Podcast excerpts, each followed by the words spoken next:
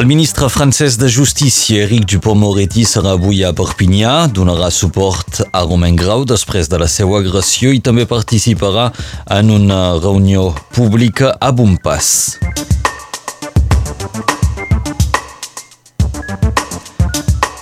La taxa d'incidència de la Covid-19 a Catalunya Nord frega els 3.000 casos per 100.000 habitants.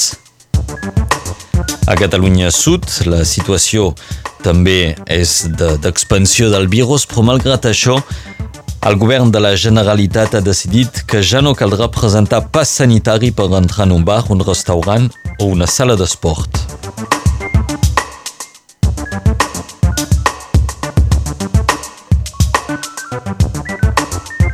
El batlle del Barcarès encara està tancat a la presó de Perpinyà. Hauria de ser traslladat demà a Marsella. Sabrà si el deixen en llibertat o si encara el mantenen a presó.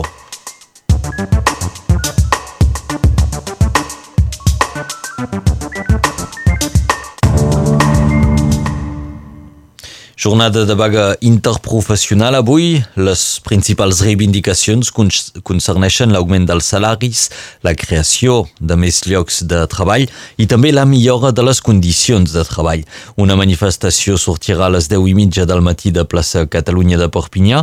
Abans també hi haurà concentracions davant de la posta Aragó, a les finances públiques, també als locals de l'UNAPEI i de l'Assemblea. Hi haurà una assemblea general del personal educatiu que se farà al casal de Perpinyà.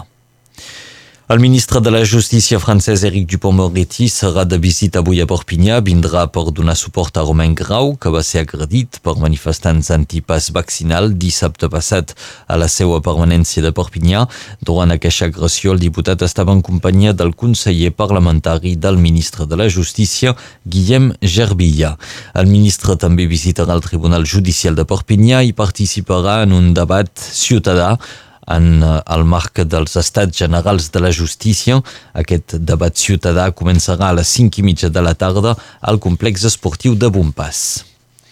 La Covid-19 va fer dues noves víctimes ahir a Catalunya Nord. 205 persones són actualment hospitalitzades, de les quals 21 es troben al servei de cures intensives.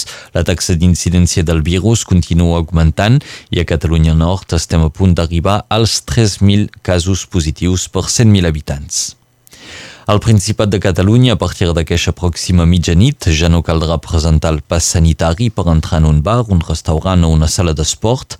El govern català segueix alleugerint les mesures de restricció en un moment en què es multipliquen els contagis sense que això impliqui un fort augment d'hospitalitzacions. El govern català doncs considerat amb la variant que, que amb la variant Omicron els vaccinats o els qui han passat la malaltia també són susceptibles de contagiar contagiar-se, un fet que doncs, ha fet perdre la seva efectivitat al certificat Covid, l'equivalent del pas sanitari. El batlle del Barcarès, Alain Ferran, continua tancat a la presó de Perpinyà. Va ser arrestat dimarts per no haver respectat en diverses ocasions el seu control judicial.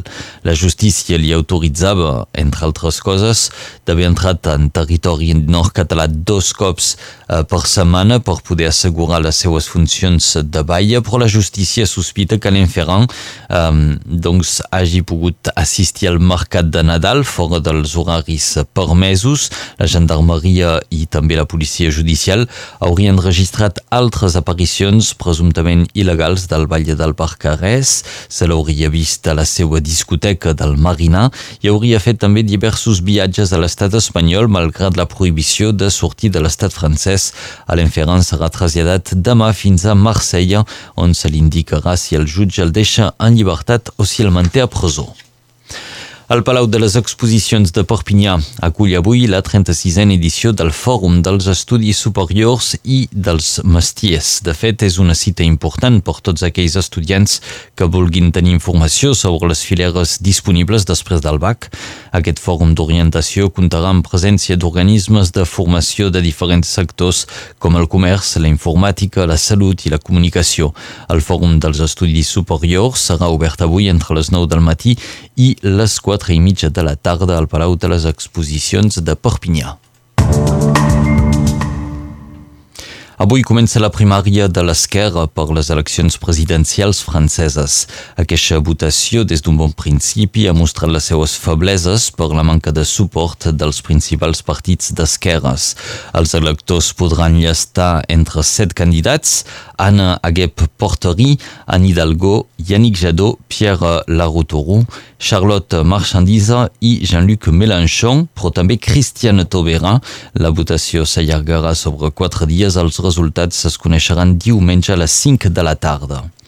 I a la frontera ucraïnesa les forces armades russes continuen arribant.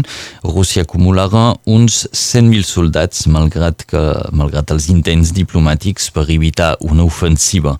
Ahir els Estats Units i l'OTAN van refusar les exigències russes i, per tant, doncs, obren la porta de l'OTAN als països d'Europa de l'Est. De moment, Washington aposta encara per la diplomàcia entre, mentre que Vladimir Putin ell, doncs, segueix totalment en silenci. Emmanuel Macron i Putin tindran avui una reunió telefònica. El president francès vol demanar aclariments sobre les intencions de Moscou i també vol rebaixar la tensió.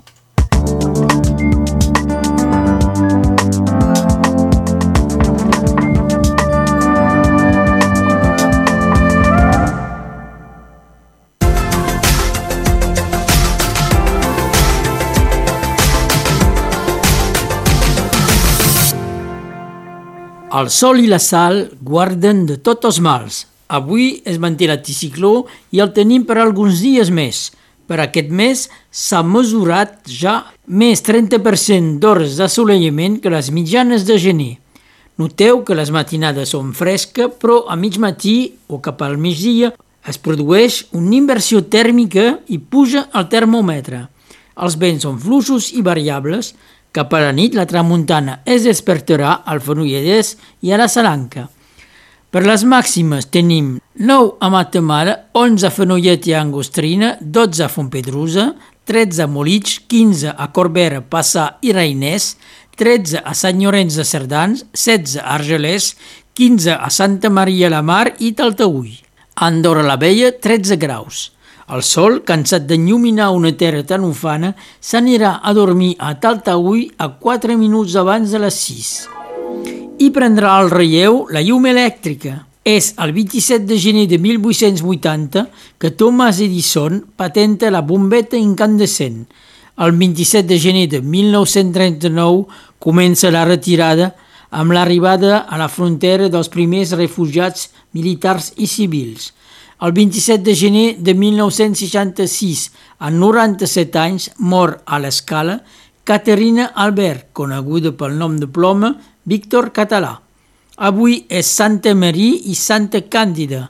És la diada de commemoració en memòria de les víctimes de l'Holocaust.